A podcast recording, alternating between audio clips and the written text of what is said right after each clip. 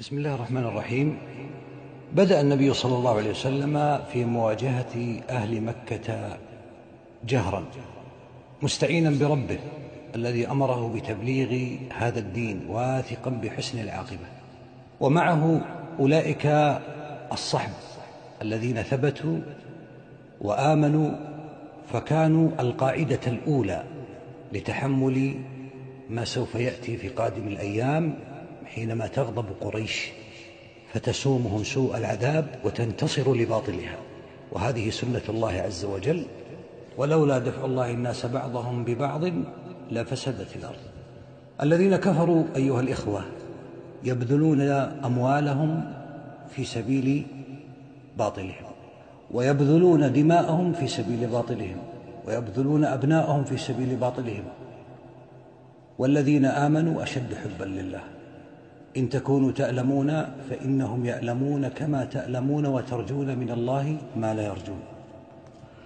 فكان الإسلام والإيمان بالله عز وجل وتوحيد الله سبحانه وتعالى هو الركيزة التي ارتكز عليها أولئك الصحب الرعيل الأول الذين كانوا مع النبي صلى الله عليه وسلم.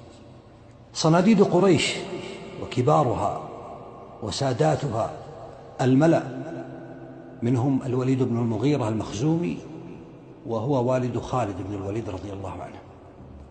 والعاص بن وائل السهمي من بني سهم هو والد عمرو بن العاص. وعمرو بن هشام وهو أبو جهل والد عكرمة رضي الله عنه. والمجرم أبو لهب عبد العزى ابن عبد المطلب عم النبي صلى الله عليه وسلم والذي كان أشد الناس أو من أشد الناس عداوة له. والنضر بن الحارث وعقبة بن أبي معيط وأبي بن خلف وأمية بن خلف هؤلاء الملأ الذين تمالأوا واتفقوا واجتمعوا على حرب الإسلام والمسلمين وعلى اجتثاث هذه الدعوة من بدايتها حتى لا تكون سببا في ذهاب ما هم فيه وفي ذهاب آلهتهم. لكنهم في أول الأمر ماذا فعلوا؟ وهذا أخرجه أبو يعلى بإسناد صححه كثيرون من أهل العلم. من حديث عقيل بن أبي طالب قال جاءت قريش إلى أبي طالب فقالوا إن ابن أخيك هذا قد آذانا في نادينا ومسجدنا فانهه عنا. فقال يا عقيل انطلق فأتني بمحمد. قال فاستخرجته من بيت صغير. فجاء في الظهيرة في شدة الحر فلما أتاهم قال إن عمه يقول له للنبي صلى الله عليه وسلم إن بني عمك. هؤلاء زعموا أنك تؤذيهم في ناديهم ومسجدهم فانتهي عن أذاهم. فحلق النبي صلى الله عليه وسلم ببصره إلى السماء فقال أترون هذه الشمس؟ ترون هذه الشمس؟ قالوا نعم. قال فما أنا بأقدر أن أدع ذلك منكم على أن تشعلوا منه بشعلة. وفي رواية والله ما أنا بأقدر أن أدع ما بعثت به من أن يشعل أحدكم من هذه الشمس شعلة من النار. هذا هو الثبات أيها الإخوة.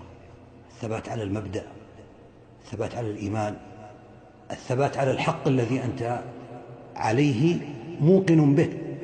إن عشت عشت كريما وإن مت في سبيله مت شهيدا. فقال أبو طالب والله ما كذب ابن أخي قط فارجعوا راشدين.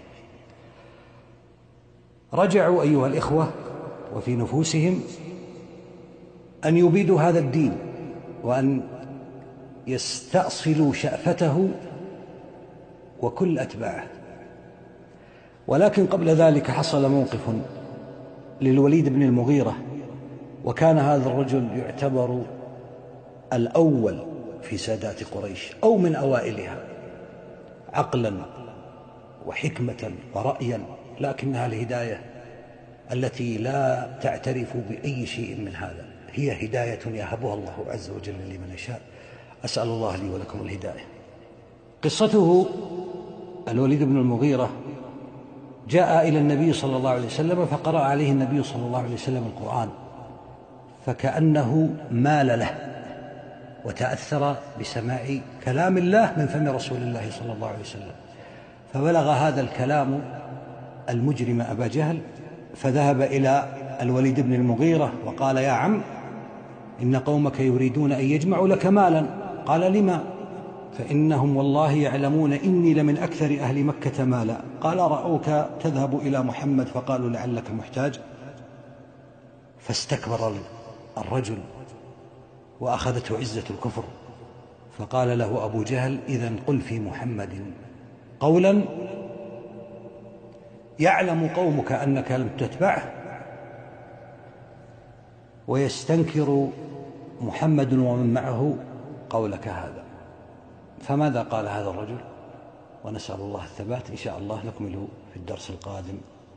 وصلى الله وسلم على نبينا محمد.